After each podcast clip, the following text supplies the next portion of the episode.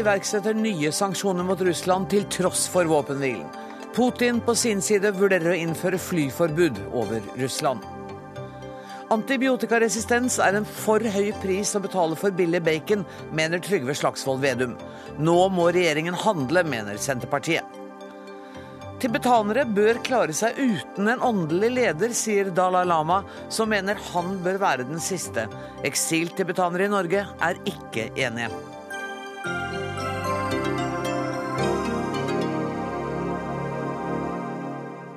Dette er Dagsnytt 18 denne mandagen, der vi også skal møte den finske forskeren som mener vi nordmenn er altfor skjødesløse når det gjelder rettskriving.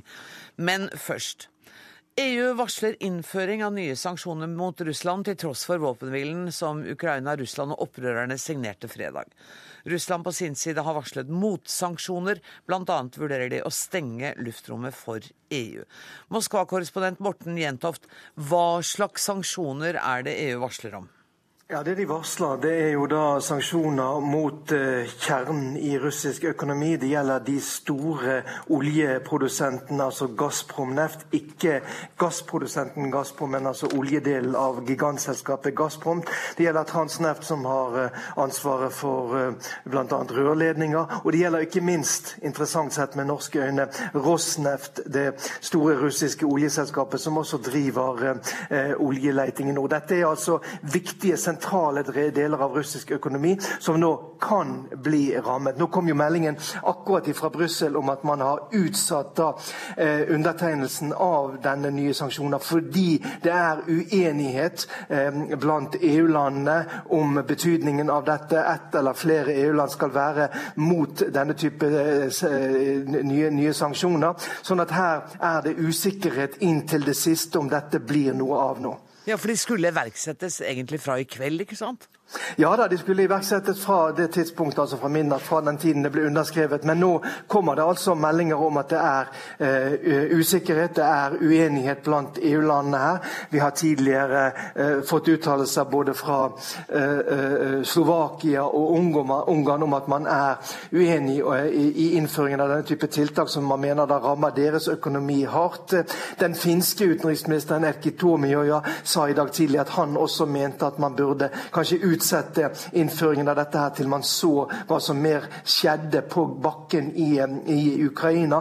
Sånn at det er nyanser, det er uenigheter innad i EU om innføringen av disse tiltakene. Vi vet jo f.eks. at hvis det blir innført en flyforbudssone over Russland, så vil jo det bety katastrofe for det finske statseide eh, flyselskapet Finner, som jo er store nettopp på Østen. Hvis de mister den trafikken eller den blir mye dyrere, så kan det bety store store vanskeligheter og muligens konkurs for finner. Men du, Det er også kommet meldinger om at det er eh, utlevert 1200 krigsfanger fra prorussiske separatister. Kan den type nyheter også ha vært med på å forsinke sanksjonsundertegnelsen i EU?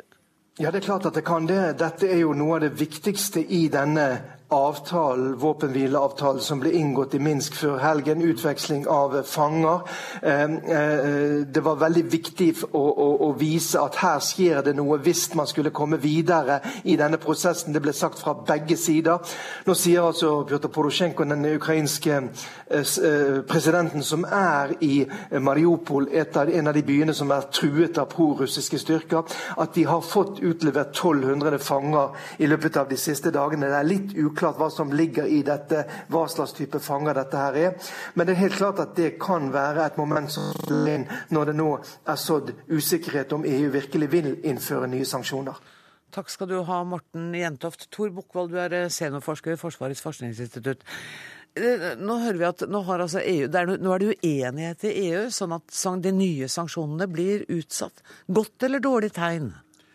Ja, For Russland Russland er det et godt tegn. Ja. Uh, for andre, for Ukraina vil du se det som et uh, dårlig tegn. Det skyldes jo sikkert, som Morten Jent sa, at man er redd for de konsekvensene det vil ha for egne økonomier. Og så er det nok en del uenighet om sanksjonene faktisk har noen effekt, i og med at Putin stort sett bare har trappa opp hele tida, til tross for at man har gjennomført sanksjoner. Nå tror jeg det er litt litt feil å se det på det viset òg. For det at eh, jeg tror Putin vurderer hele tida her hvor mye koster det han å drive, det, drive, på med det han driver på med i Ukraina. Og foreløpig så ser han vel sånn at sanksjonene er ille, men ikke så ille at, at han ikke er verdt å, betale, verdt å, betale, den prisen for å prøve å oppnå det han ønsker, nemlig å hindre at Ukraina blir en del av Vesten. Men, men er det ikke en militærslitasje også? Jo, det er riktig, og det er det på begge sider. Ja, Særlig på ukrainsk side, tror jeg. For de har jo de har nok brukt opp mye av det de har til militære ressurser. Og det er spørsmål både når det gjelder eh, mannskap og når det gjelder materiell, hvor mye de har igjen å kjempe med. Men òg på russisk side, selv om Russland er uendelig mye, mer, mye sterkere militært sett, så gikk de på ganske store tap de to siste ukene når de gikk inn direkte med egne styrker. Og Det er risikabelt for Putin å bare fortsette det spillet. Dess flere som kommer igjen i kiste fra Ukraina, dess skumlere er det fra sin innenrikspolitiske stilling i Russland. Men, men samtidig, det er nesten ubegripelig for oss, hans popularitet i Russland er bare stigende. Ja, den er det fordi at uh, foreløpig så har det det er flere årsaker til det. Selvfølgelig så kan en kontrollere media, og det hjelper eh, mye. På, det hjelper godt. Det hjelper godt på å få en stor popularitet. Så tror jeg man må komme her at eh, levestandarden i Russland i dag er sannsynligvis den høyeste russerne har opplevd i sin historie. Og mange takker Putin for det. Selv om det, man kan stille spørsmålstegn ved om det er han som har gjort det slik, så er det en gang tilfellet sånn at populariteten den er fremdeles veldig høy. Men den er ikke uendelig, og meningsmålinger viser òg at Sjøl om det Putin gjør i Ukraina populært, så er eh, villigheten til å ofre liv og til å gå til krig mot Ukraina veldig liten. Men du, La oss uh, snakke om denne flyforbudssonen, for han har altså truet med å stenge luftrommet uh, over Russland. Den trusselen blir vel også nå utsatt, siden EU ikke kommer med sanksjonene akkurat nå? eller? Jo, det gjør den da kanskje. Jeg tror Putin får det ganske nøye med på det som skjer i sanksjonsbildet, og, og tilpasser hele tida sin eh, beslutningstagning til det. Det man sier om det russiske politiske systemet, og det sier man nå i Russland, er at eh, beslutningene fattes i en veldig liten krets, kanskje i stor grad av Putin sjøl. Det betyr at det er en veldig kjapp beslutningstagning. Mens andre land må bruke lang tid på å fatte en beslutning, så kan han gjøre det fort. Espen Andersen, du er førsteamanuensis ved BU, ekspert på luftfart. Hva vil det bety? Hva innebærer det? Jeg ser liksom ikke for meg hvordan man kan stenge luftrommet over et så stort område som Russland, men det kan man altså. Ja, altså Når man flyr over et land, så gjør man det med det landets tillatelse, som regel mot betaling. Eh, og eh, for Russlands vedkommende så er det en ganske sentral luftkorridor mellom Vest-Europa og primært Kina, eh, Korea og, og Japan. Mm. Og det er de flyrutene som vil bli rammet. Og det vil treffe litt ujevnt. Ingenting for Norwegian, så vidt jeg vet. SAS for noen få ruter som de da blir nødt til å fly lenger syd. Alle til Beijing, blant annet, vel? Ja. Mm. Uh, Beijing, Shanghai, uh, muligens Tokyo. Mm.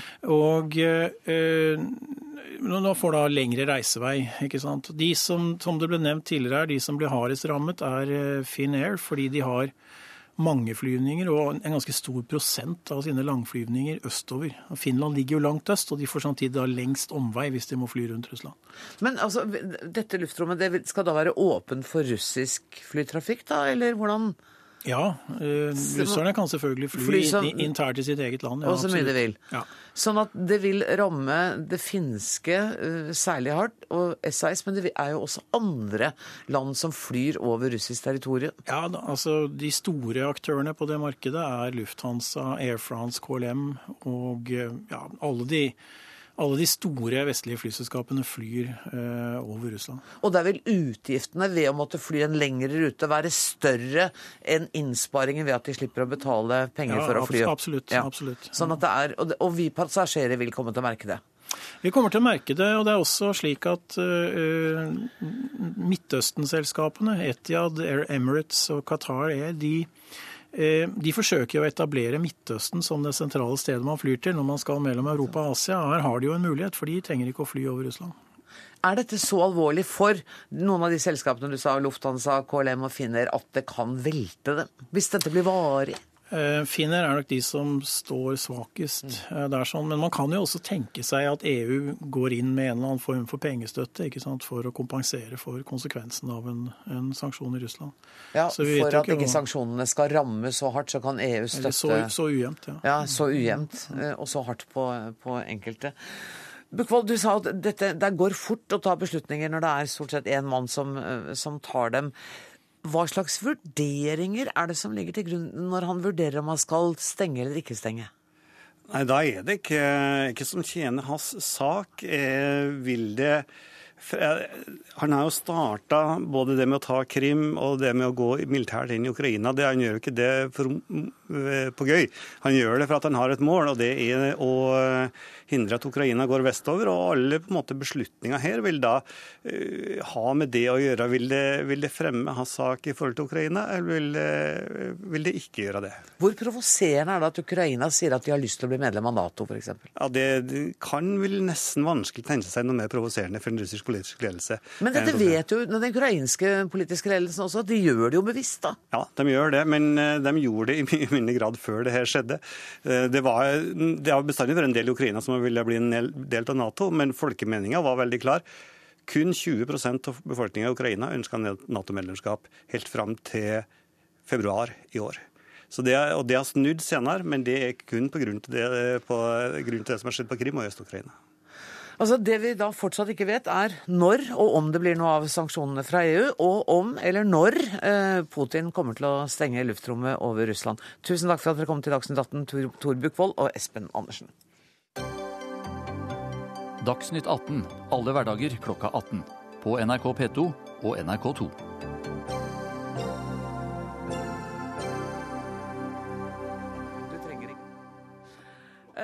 Morgen eh, deles eh, Kavli-prisen ut. Ni prisvinnere deler prisen, og en av prisvinnerne i år er nanoforsker Thomas Ebbesen.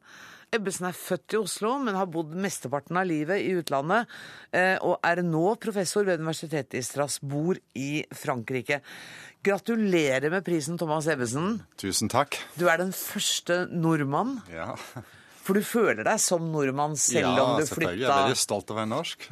Så, og det gjorde det spesielt bevegende for, for meg å, få denne prisen, selvfølgelig. Og ja, var en, jeg var forrasket, selvfølgelig, og det var veldig bevegende. Så, du flyttet herfra da du var ti år gammel, ja. men likevel så sier du at det er norsk natur som inspirerer deg. Ja, det er riktig. Det er noe jeg alltid har sagt. Og det var derfor jeg var så, også beveget av hva Fred Kavli sa eh, når jeg hørte han i 2008.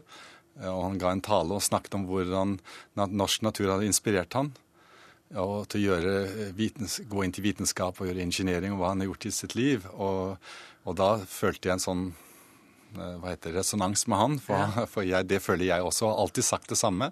Det er noe med norsk natur som jeg har inni meg. Og hva, når jeg har prøver å forstå et eller annet problem, eh, jeg, å finne en løsning på et problem jeg har i, viten, i min forskning. Ja. Så ofte tar jeg tur. Da jeg var yngre spesielt, nå er jeg litt for mange andre amplikter. Ja, forpliktelser. forpliktelser. Ja. Men jeg var yngre, så ofte tok jeg en, en uh, tur i skogen eller langs en bekk eller et eller annet for å, for å få, få finne en løsning. Og det og jeg alltid tenker på når jeg var liten og jeg lekte langs en bekk ikke langt herfra, ja.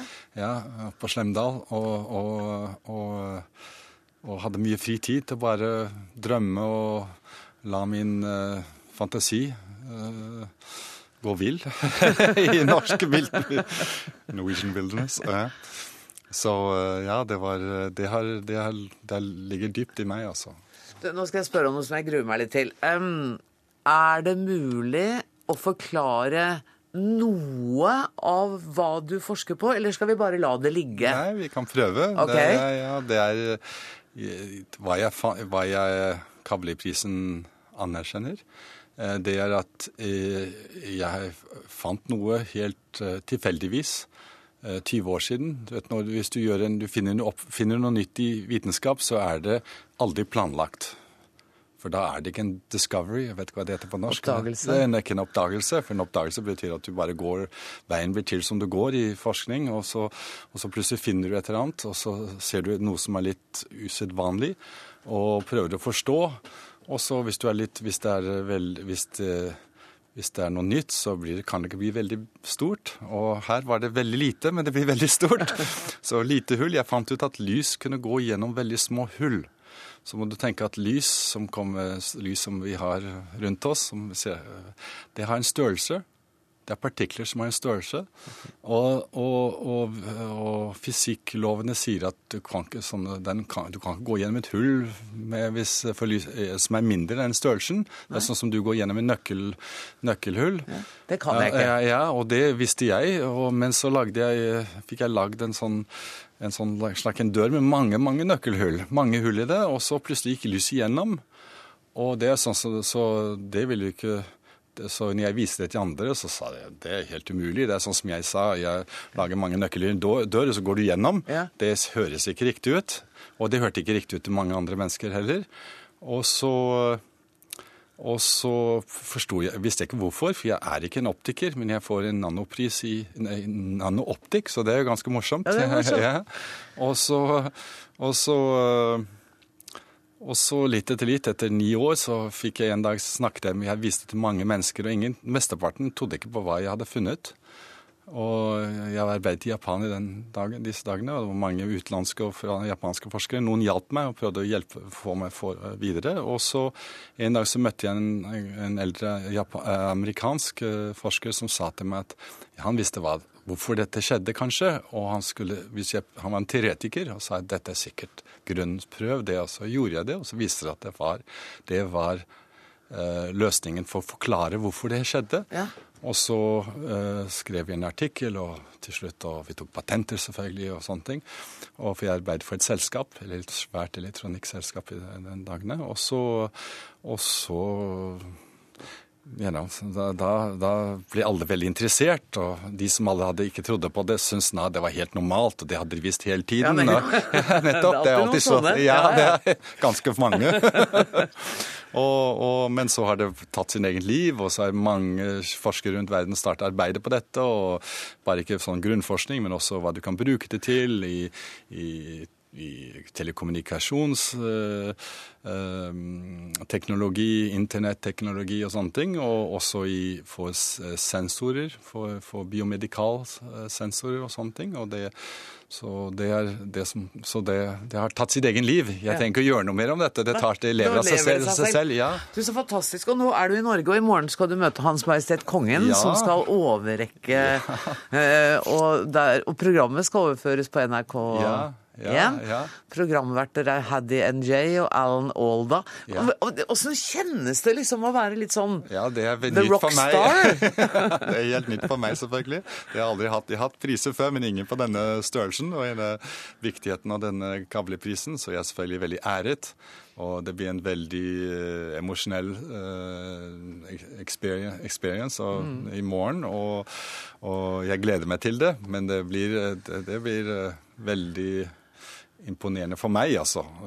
Kan du tenke deg. Ja. Og det blir ikke snakk om å gi opp forskningen akkurat nå? Nei, nei. nei jeg holder på med enda Jeg håper å gjøre mer forskning for mange år, for det er en sånn kreativ prosess som jeg, er vanskelig å gi opp. Ja, og du er en ung mann fortsatt? Ja, jeg er en ja, ung mann. Thomas Ebbesen, gratulerer så mye med prisen, tusen og tusen takk for at du kom til Dagsnytt 18.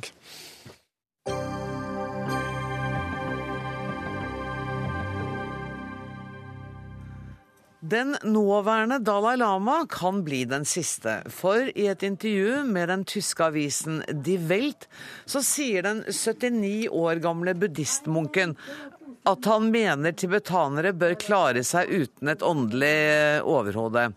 Han sier bl.a. at hvis det dukker opp en svak Dalai Lama, så vil det føre skam over Dalai Lama. Shungda Koren, velkommen hit. Takk. Jeg hørte at du allerede var i gang med å snakke med din sidemann idet du, i det du kom inn. Eh, Shungda Koren, du har bodd i Tibet til du var ni år. Ja. Hva syns du om at Dalai Lama nå mener at det tibetanske folk ikke lenger trenger en leder? Det er veldig trist. Som tibetaner og som buddhist så tror jeg han er veldig viktig.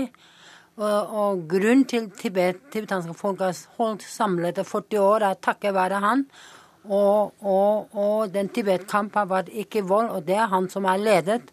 Så han betyr enormt for det tibetanske folket, ikke bare for oss utenfor, men de som er inne i Tibet, også for buddhistiske samfunn internasjonalt. Men det er jo den Dalai Lama dere har nå. Det er jo ja. ikke sikkert at den neste ja. blir like bra. Ja.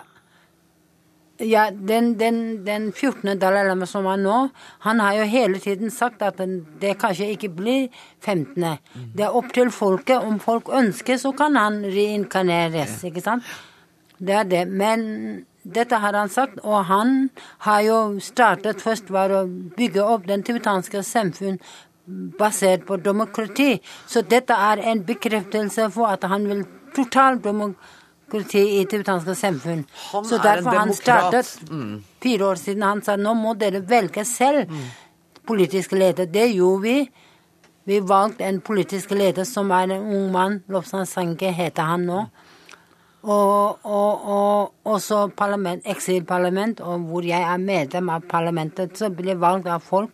Så dette er en, en, en, en hans måte å bekreftelse, bekreftelse at, at tibetanerne må ta ansvar selv, at han trekker seg bak politisk, at folket må ta ansvar. Men Men for meg litt- er det veldig trist, det har han sagt hele tiden, fordi han har også sett den mange modell av sånn Blant annet, han var veldig interessert i å se et modell av Vatikan, hvordan Vatikan fungerte. Ja. Det har også vært en del, ikke sant, tanke. Og og så Det er fordi han gjør det Kinesene vil jo misbruke det. det har, de har jo sagt på år siden at alle tibetanske lama eller reinkarnasjon lama må godkjennes av den spesiell religiøs komité. Det vil si at de regner med at Dalai Lama en dag dør. Da kan de plukke Dalai Lama selv. Og det, det var bekymring for alle tibetanske folket, sånn som de har gjort med Panchen Lama.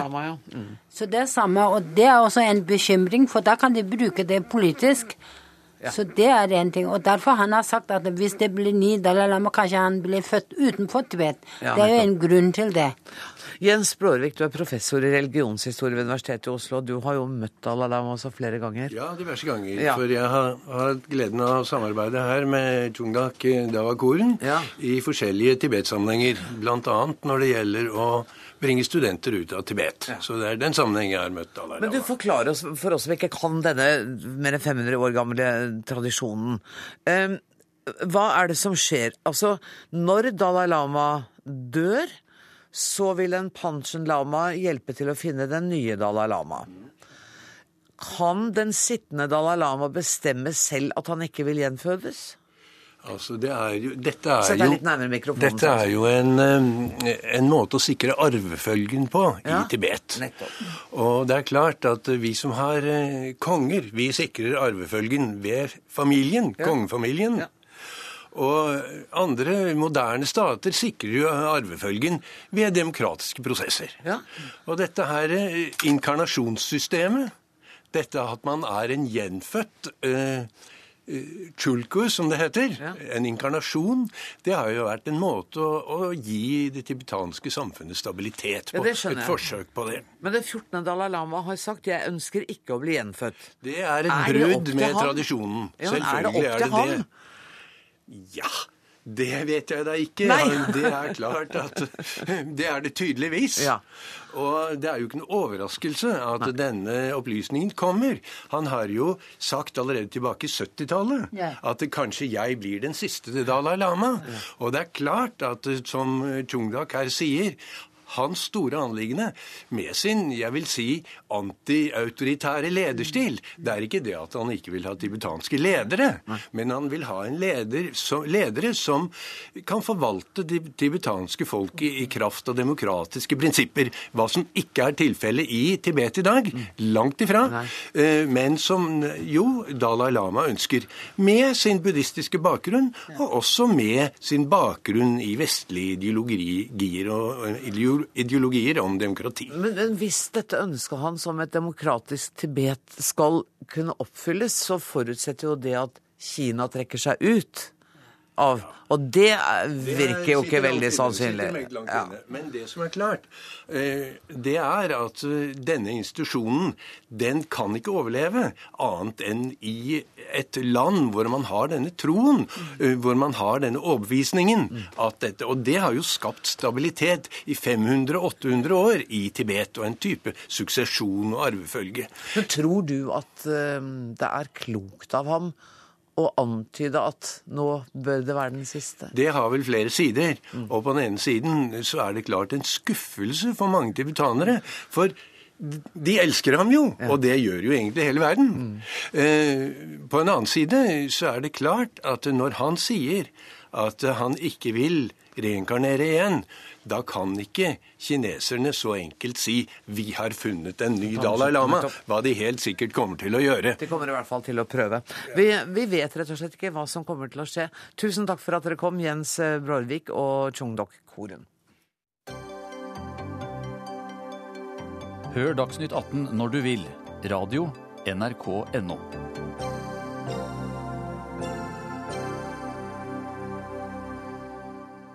I, I Dagsnytt 18 skifter vi temaer og tempo ganske fort. Nå skal det dreie seg om fotball. Det begynte med litt prat og litt skåling på baren i Bristol. Eh, og så ble det avsluttet med en høyst edruelig pressekonferanse på Bristol. Prosjektet var boka om fotball-VM. Fire forfattere, Morten Pedersen, Jon Michelet, Dag Solstad og Tom Stalsberg, skulle skrive hver sine essay fra ulike ståsteder om fotball. To av dem sitter her. Velkommen, Tom Stalsberg og Dag Solstad. Og så vidt jeg skjønte på deg, Tom, så var det ikke noen selvfølge at det skulle bli noe VM-bok? Nei, det var det ikke. Dette her kom i stand fordi at jeg har vært på en del VM. Jeg har aldri skrevet en bok. Jeg tenkte det skal jeg heller ikke gjøre, for Dag og Jon har gjort det med bravur fem ganger. Men så hadde jeg veldig lyst på å reise til VM. Hvordan kan man komme seg dit når man ikke er veldig rik? Da må jeg prøve noen. Så gikk jeg til forlaget, de var interessert. Jeg sa jeg kunne godt tenke meg å få med Jon Michelet og Dag Solstad, som satte en norm for meg hvordan du faktisk kan skrive om fotball. Sånn begynte det. Men de har jo mye å gjøre, begge to. Og de ja. skulle ikke dit. Eh, Jon hadde mange invitasjoner. Dag vet jeg ikke om han har tenkt seg dit, men du hadde jo egentlig lagt opp som fotballskribent også, Dag? Ja, han lagt opp. Nettopp. Og du skulle være løsbikkja? Ja, noen må ta det. Noen må ta den tunge jobben. ja. Men du drøfter jo sjøl, altså helt i begynnelsen her, om er det fotballbok vi skal skrive? Det er så mye annet i verden som kanskje er viktigere? Ja, det må jo prøve å ha det perspektivet, da, selv om det er litt patetisk og sånn. Men jeg tenkte også, vi er fire stykker, og vi kan ikke skrive fire fotballhistorier.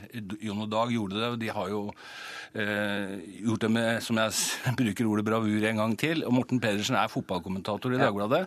Jeg tenkte, hva skal min rolle være? Da tar jeg meg med noen gamle poeter, og så får jeg gå rundt og titte. Og så har dere skrevet en, fotball, altså en bok om fotball-VM som til og med interesserer meg. Altså det er, Da må jeg si gratulerer, Dag Solstad. Jeg trodde dette var den boka av deg jeg ikke skulle være interessert i. No. dere har begge to en affinitet for England. Altså, men Hadde. Ja, ikke sant? Hadde. Hadde. For den er helt borte nå. Det er slutt nå, ja. Er det helt slutt, Dag? Det er nok det. Jeg, England spiller i kveld. Ja, ja, Det bryr jeg meg ikke om.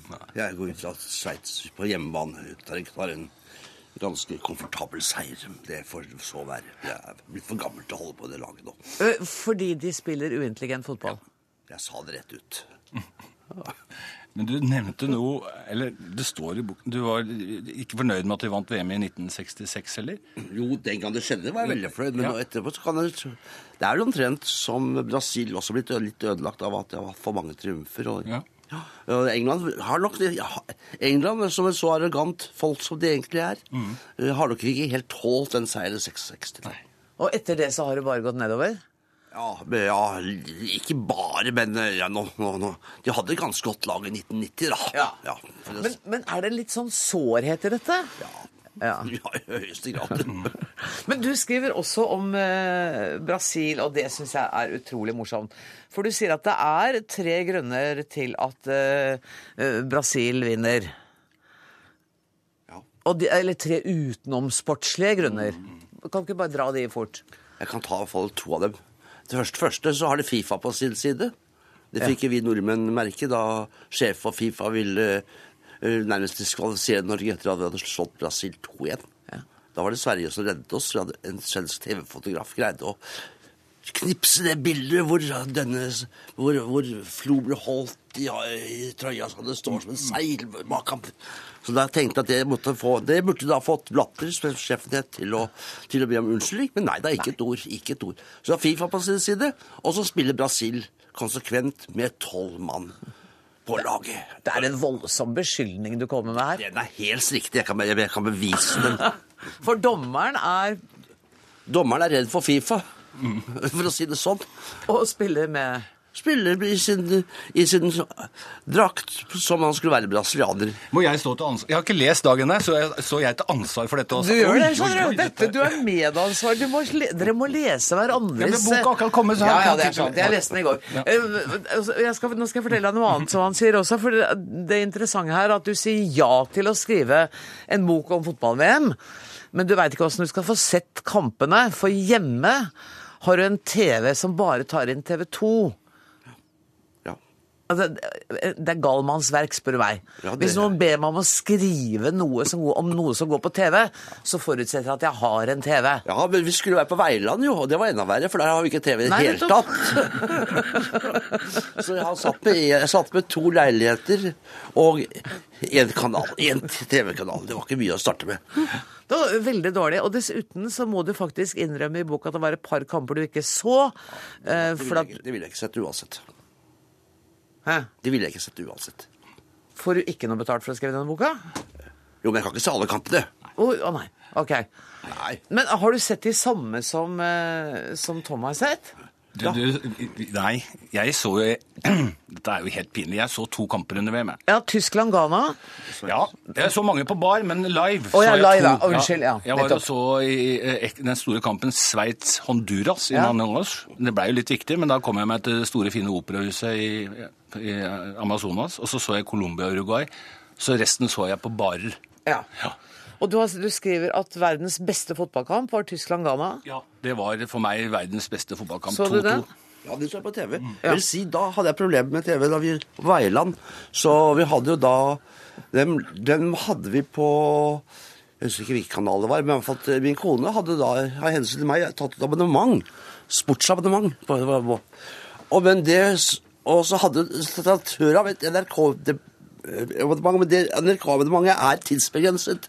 Ok. Og det var kampen gikk på NRK, for det var på det tidsbegrensede abonnementet. Så jeg slo på kampen bare da det, var, da det bare var kvarter igjen, jeg, for å være helt sikker på at jeg skulle få det viktigste. Og det sto, sto helt an. Ja, og, så, og så skriver eh, Tom også hva som er verdens dårligste eh, fotballkamp. Japan-Hellas 0-0. Kveld klokken tolv, den satt jeg og så på. Det, var, det tror jeg ikke var så veldig mange. Ja, Det Den var, så ikke i dag.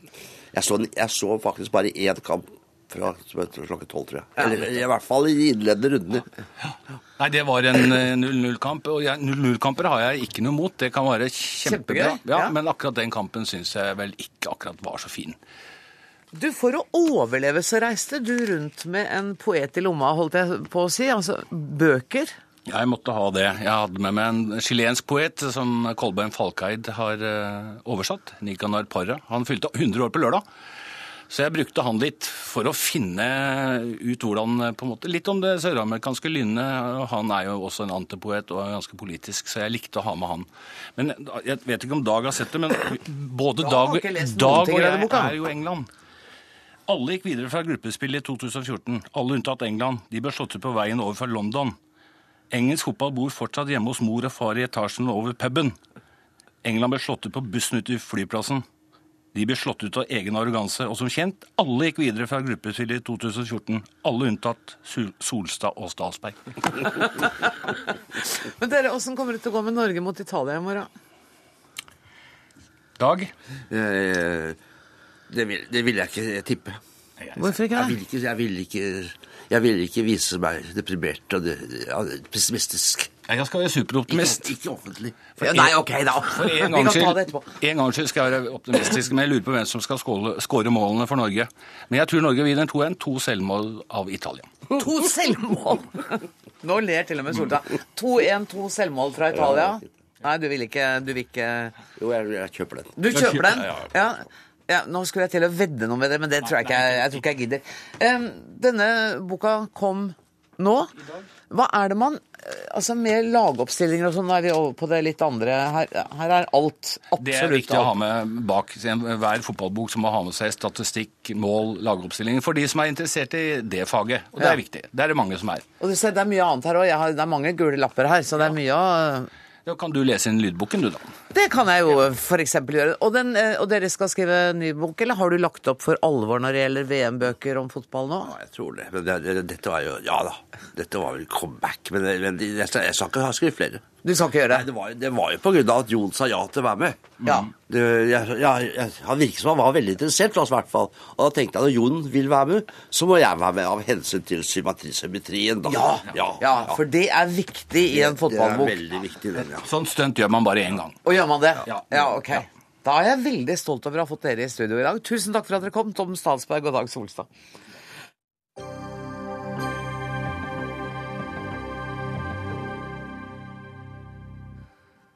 Nå skal det handle om norskkunnskaper og skriveferdighet, som det ifølge en finsk forsker er dårlig stelt med her til lands.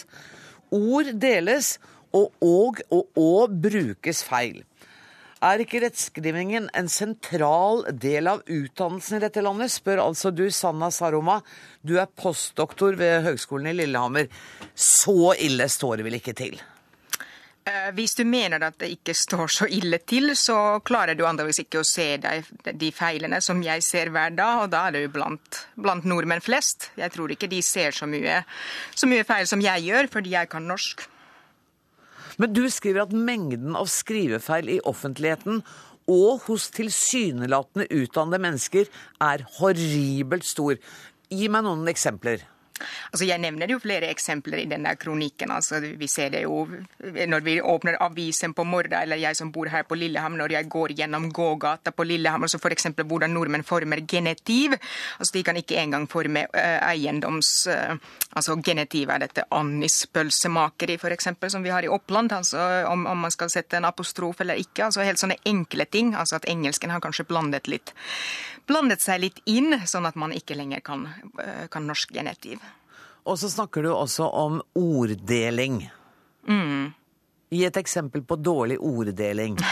Dette er jo eksempelet som alle, alle kjenner. altså dette Ananasringer eller, eller ananasringer, eksempel. Altså Ja. dette er jo Ja.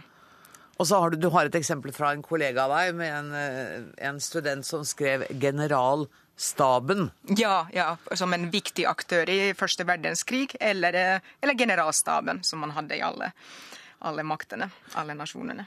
Du mener at dette er så alvorlig at karakteren bør settes kraftig ned ved denne type skrivefeil?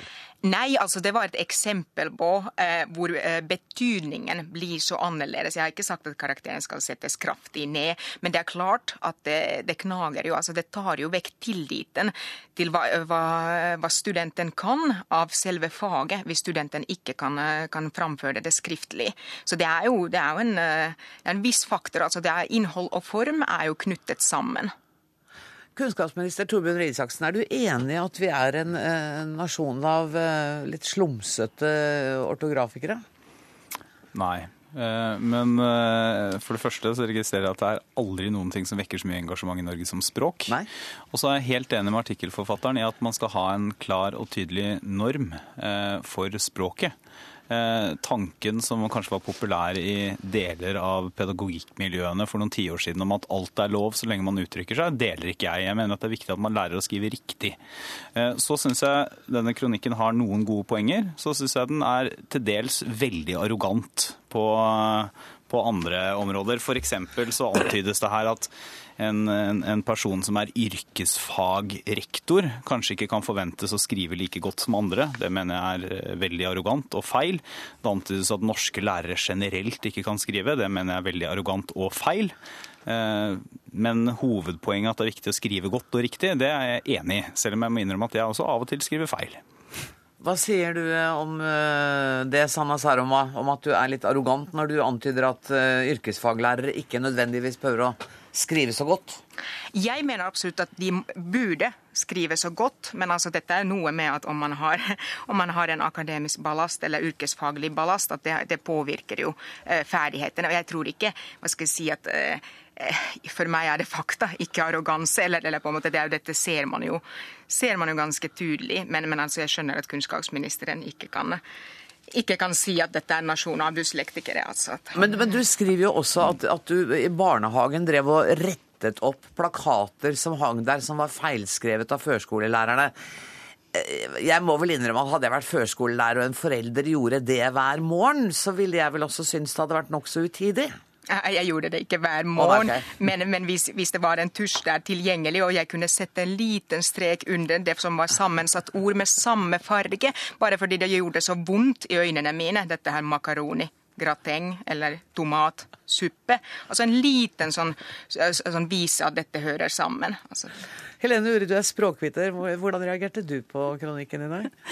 Jeg eh, lo godt, og så gråt jeg litt inni meg. For hun har jo rett på mange måter, og det er jo noen av de eksemplene hun kommer opp med som er eh, temmelig hårreisende og ganske på sin plass. Og hun trykker på et ganske ømt punkt, gjør hun. Men jeg hadde heller ikke likt det Hvis jeg hadde jobbet i en barnehage, da hoppet jeg litt da jeg kom til det avsnittet der. Ja, du gjorde det. Ja, ja. Men også, også, tenker jeg også, um, Saroma, du er, av, du er opptatt av særlig to ting. Språkdeling og og og og. Mens vi som bruker mye av tida vår på å lese aviser og nettet og bøker, vi ser jo en hundrevis av andre feil. Hva er det for noe som er så spesielt med disse to?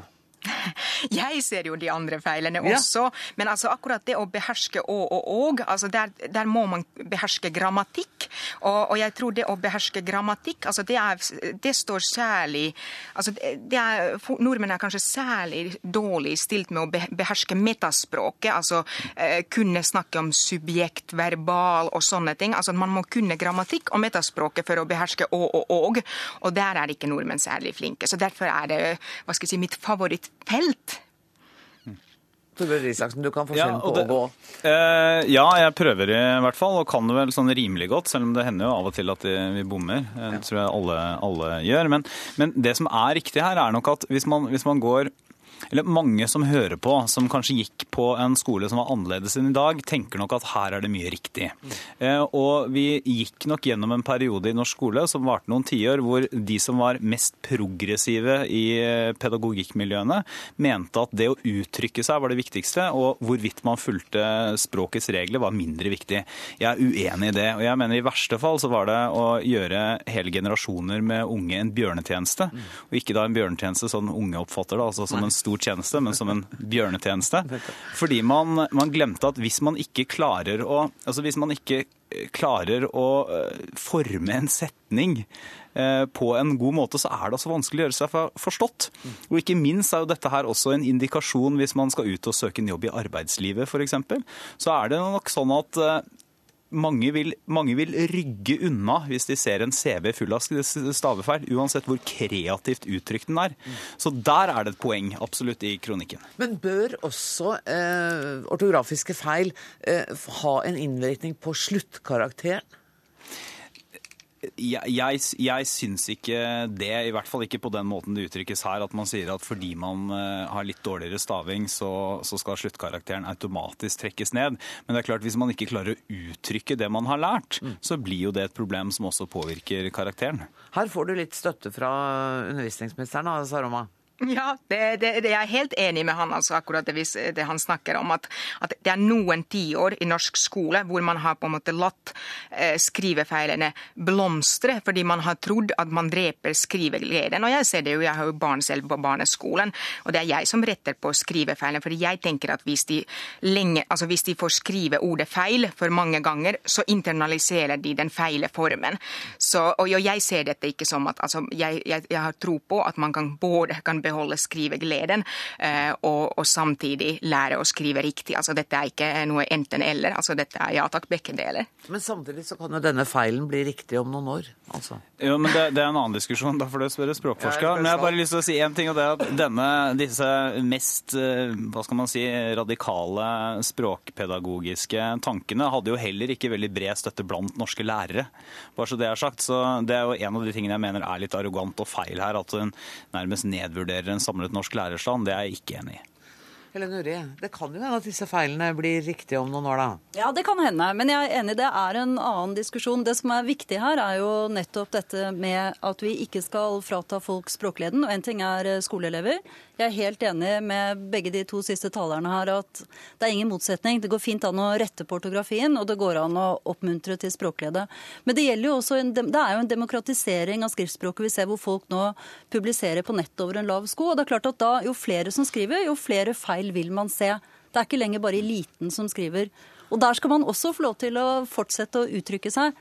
Men jeg ser jo også på Twitter at der blir også folk korrigert. Ja, ja, til de grader. Ja. Ja. Uh, ja det, men det hindrer oss ikke i å fortsette. Nei, men, men det, er jo, det, det, det, er jo bra at man kan korrigere hverandre. Jeg mener nok at av og til uh, går det litt for vidt. Jeg får, siden jeg er kunnskapsminister, får jeg av og til kjeft til og med for, for at jeg muntlig ikke uttrykker meg presis nok, bruker de og dem feil f.eks. Men jeg er for at vi skal korrigere hverandre, og for at vi skal opprettholde en, en klar norm på hva som er riktig og galt i skriftspråket vårt. Men samtidig så må det være lov å si at det er litt irriterende hvis man har lagt ut noe forsøksvis intelligent på sosiale medier, og så handler de første 20 kommentarene om at komma er satt feil. Ja, så, så, alt med måte, går det ikke an å si det? Det går an å påpeke feil, det er greit. Men... Og så lurer jeg på litt sånn når du sier det, at det er fint å korrigere hverandre fordi at det bidrar til et bedre språk. Um, ja, på regjeringskonferanser f.eks. Mm. Korrigerer du kollegene dine da? Nei, Da vil jeg gjerne ha gjennomslag, og jeg vet at det ikke akkurat oppmuntrer til gjennomslag. Nei, men jeg synes det er, det er jo vi, vi, vi, kan jo ikke være en nasjon av, vi behøver ikke være en nasjon som går rundt og korrigerer hverandre hele tiden, men det handler jo litt om at vi, vi forsøker å opprettholde en felles standard. Da. Ja. Og Det er jo en diskusjon f.eks. om NRK, som er, et, er en allmennkringkaster vi finansierer alle sammen.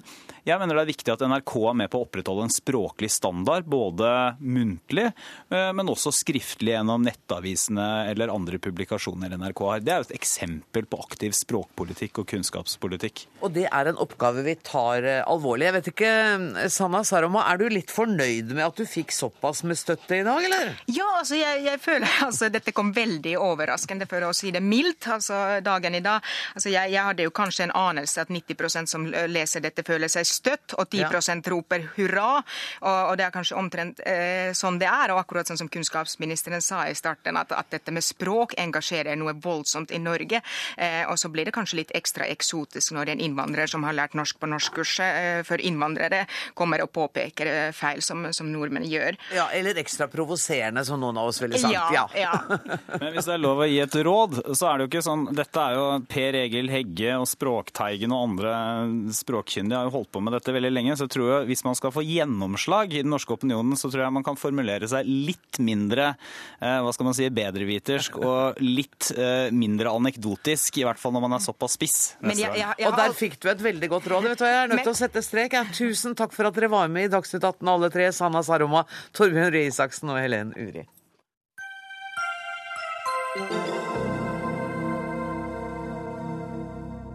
Vi skal bytte tema igjen, bare jeg får eh, de tre gjestene på plass. Det dør nemlig flere i Europa av antibiotikaresistente bakterier enn det dør i trafikken. Det dør altså flere av antibiotikaresistente bakterier enn i trafikken. Nå må Norge ta et initiativ til en global krisekommisjon for å hindre at vi står uten virksom antibiotika om bare få år. Det skriver du i en kronikk på Ytring eh, her i NRK i dag, Senterpartileder Trygve Slagsvold Vedum. Hvorfor slår du så på stortromma når Norge er et av de landene hvor faktisk antibiotikabruken har gått ned? Nei, det er fordi at dette kan true hele vår måte å tenke medisin på. Altså Når vanlige infeksjoner kan bli eh, dødsfarlige eh, fordi at penicillin eller nye antibiotikum ikke virker, så bør vi ta det på rammeste alvor. Og så har eh, allianseregjeringen i Sverige også løfta det her veldig opp som et tema.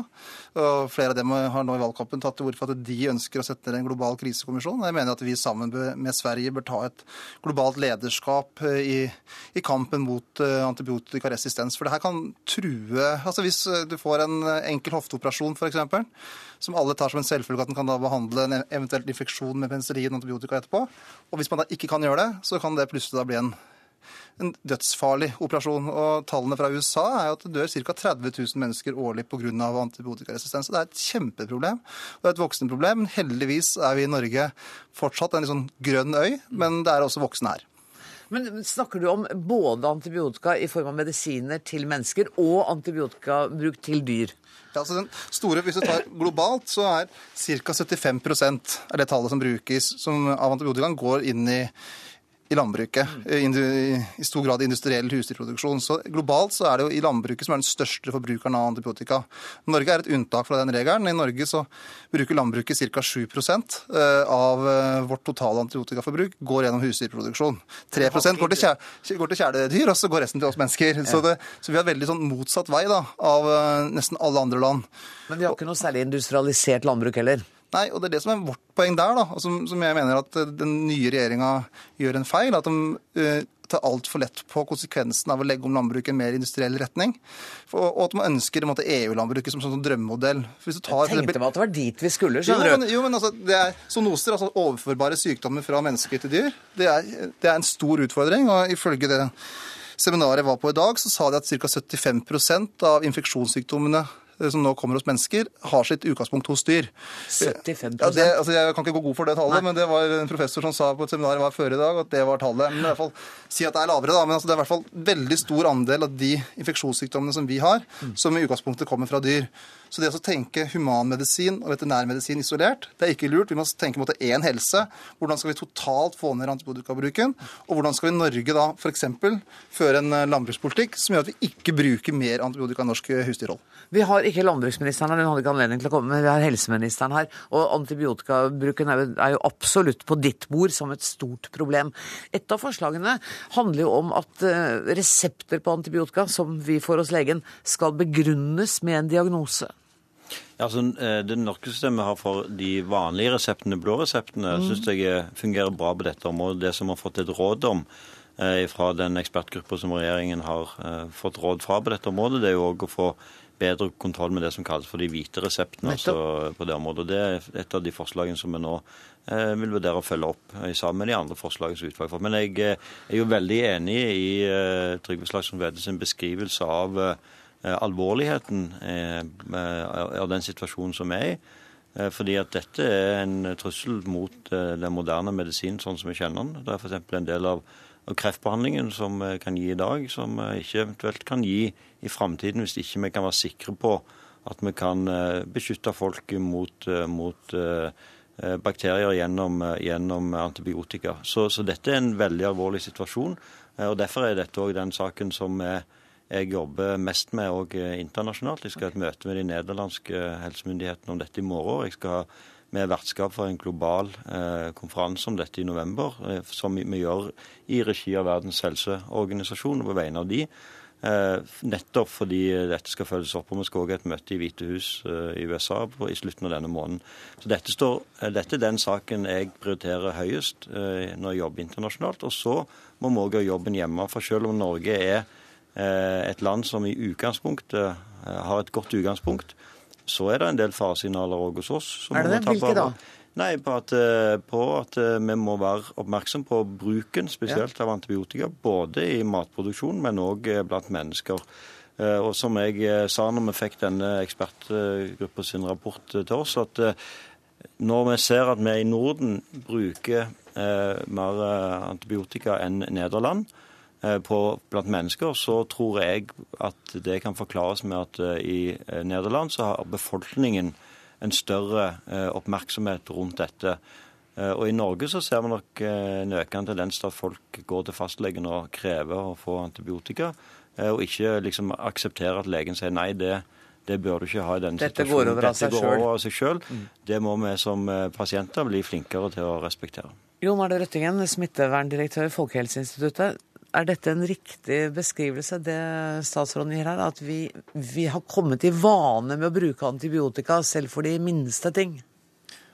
Ja, det tror jeg er riktig. Eh, og det er ikke bare vi i Norge, men det er punkter en internasjonal trend. Eh, og den har vart over mange år. Eh, og vi ser at etter hvert som kjøpekraften øker i mellominntektsland bl.a., og samtidig man har tilgjengelighet for antibiotika, kanskje høyere tilgjengelighet enn her, så øker forbruket, og man får feilbruk og overforbruk, som virkelig gjør at dette har blitt et globalt problem. Ja, For det er et så stort problem som disse to herrene sier? Ja, jeg er jo veldig glad for at uh, politikere på begge sider av bordet, for å kalle det det, tar det så alvorlig. Uh, uh, og faktisk peker på dette som en av våre største internasjonale og globale helsetrusler. Den kunnskapen har nok i og for seg vært der nå sikkert i en 10-15 år. Eh, Verdens helseorganisasjon har en strategi fra 2001 som punkter setter opp en veldig klar behov for handling. Men verdens land har ikke greid å levere på den strategien, rett og slett. Og Derfor trenger vi politiske ledere, som jeg syns begge herrer ved bordet her er et eksempel på, som faktisk setter opp og sier at dette må vi prioritere. For det er et slippery slope, altså det er en langsom, gradvis utvikling mot noe som vi alle bør være bekymret for. Du må ikke rose dem for mye, for det tåler de så dårlig. Men hva, men, eh, slags, hva var det du sa? 75% av som den du refererte Av, verdens, eller av infeksjonssykdommene, ja. uh, ifølge den foredraget fredag Nettopp, jeg skulle bare sjekke uh, om det er riktig kom ifølge DIV nå fra først med utgangspunkt i dyr over til menneske. Nye infeksjonssykdommer. Kan det stemme? Hvis vi nå der, Jeg kan ikke akkurat det tallet, men Nei, okay. hvis, hvis, vi ser i norsk situasjon, så kan det stemme. Men vi skal huske på det er fordi i Norge så utgjør infeksjonssykdommer bare en liten del av den totale sykdomsbyrden vår. Mm. Kanskje en 3-4-5% Vi har ikke helt sikre tall. Hvis vi ser på verden totalt sett, så er jo fortsatt infeksjonssykdommer 40% av sykdomsbyrden. Og Det er noen fakta her som jeg tror er viktig å skjønne også. for Skal man løse dette problemet, så er det flere ting man må gjøre på en gang. Det er fortsatt slik at det dør flere i verden pga. manglende tilgang til antibiotika enn pga. resistens. Kanskje ti ganger så mye. Altså I Europa så dør det eh, Europa og USA samlet kanskje ca. 50 000 som dør pga. resistens. Som er en kjempeutfordring hvis vi virkelig skjønner de tallene eh, og, og tar det innover oss som menneskelige liv. Men samtidig så vet vi at i utviklingsland så dør det kanskje Eh, nye tall som kommer ut nå, tilsier 500 000 barn av resistens pga. Eh, infeksjonssykdommer, blodforgiftning i ung alder.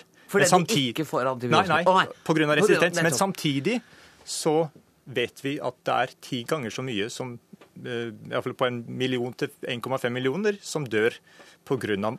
mangelfull tilgang til antibiotika. Sånn at deler av verden må få mer antibiotika, mens de rike av oss, som vi tilhører, må ha mindre. Er det sånn det du sier? Ja, og utfordringen er at det er ikke bare slik at en del der og en del der, men i ett og samme land, f.eks. India, så har vi både overforbruk og feilbruk og stor befolkningsgruppe som ikke har tilgang. Derfor er dette stor utfordring.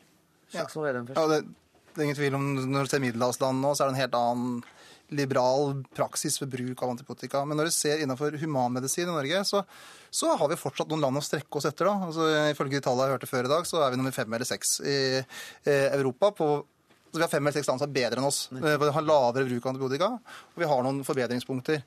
For å ta et lite sånn eh, parallell til veterinærmedisinen. Der, eh, der, har man oversikt over hvert eneste antibiotikum som blir skrevet ut til diagnose. Det har vi ikke i human, humanmedisin. Altså, vi har bedre oversikt i veterinærmedisin i Norge enn human, humanmedisin. Det er et grep vi bør, bør diskutere. Men det har han allerede svart på, så ja, du har sagt at han vil det. Du må det, følge med. Ja, men er, altså, Det som er den største bekymringa mi nå, er egentlig ikke eh, Bent Høies fokus på humanmedisinen. For jeg syns at Bent sier mye klokt her, og statsråden sier mye klokt her. Men det er at man overser så veldig veterinærmedisinen. Når man ser at det globalt at det er en av de største utfordringene, og at den dags dato i hvert fall, så er den største suksessen i norsk antibiotikapolitikk er at vi har så utrolig lavt forbruk av antibiotika i matproduksjon. Mm. Og så peker eh, regjeringa i en mer industriell retning eh, med sin landbrukspolitikk, og da kommer det sannsynligvis til å øke bruken av antibiotika, ikke det motsatte. Det 45 sekunder igjen av sendinga. Jeg tror det er veldig viktig at vi òg driver en kunnskapsbasert politikk på dette området. og når vi fikk ekspertgruppen sin anbefaling, så ble det konkret spørsmål om det som Trygve Slagsvold Vedum nå påstår. og De sa at vi har ikke kunnskapsgrunnlag for å påstå det. Men det som er, det som er riktig, det er at det, det som er hovedfokuset vårt nå, det er å jobbe systematisk sammen med landbruk, sammen med miljø og sammen med fiskeri. Og et av de områdene verden ser til Norge på, er jo at innenfor fiskeoppdrett har vi redusert antibiotikabruken med 98% og det er en uh, måte å tenke på som resten av verden ser til Norge. Høye ekspertutvalget kom med bakgrunnen Vi satte ned, og ekspertutvalget anbefalte at vi måtte ha en helhetlig konsekvensutredning. Og det, og det, har de sagt. Og, men dessverre har Landbruksdepartementet sagt nei. Jeg mener at de burde ha om, eh, ombestemt seg og si ja. Men jeg syns dere begynner å småkrangle. Nå har vi hørt Jon Arne Røttingen snakke om hvor utrolig viktig det er, og så sitter, ender dere opp med petitesser. Unnskyld meg. Vet du hva? Jeg bare setter strek for dagens sending. Tusen takk til Jon Arne Røttingen. Takk til Trygve Slagsvold Vedum Vedum og Bent Høie. Ansvarlig for denne sendinga i dag har vært Andrea Kvamme Hagen. Det tekniske ansvaret har Lisbeth Sellreite. Jeg heter Anne Grosvold. Takk for nå.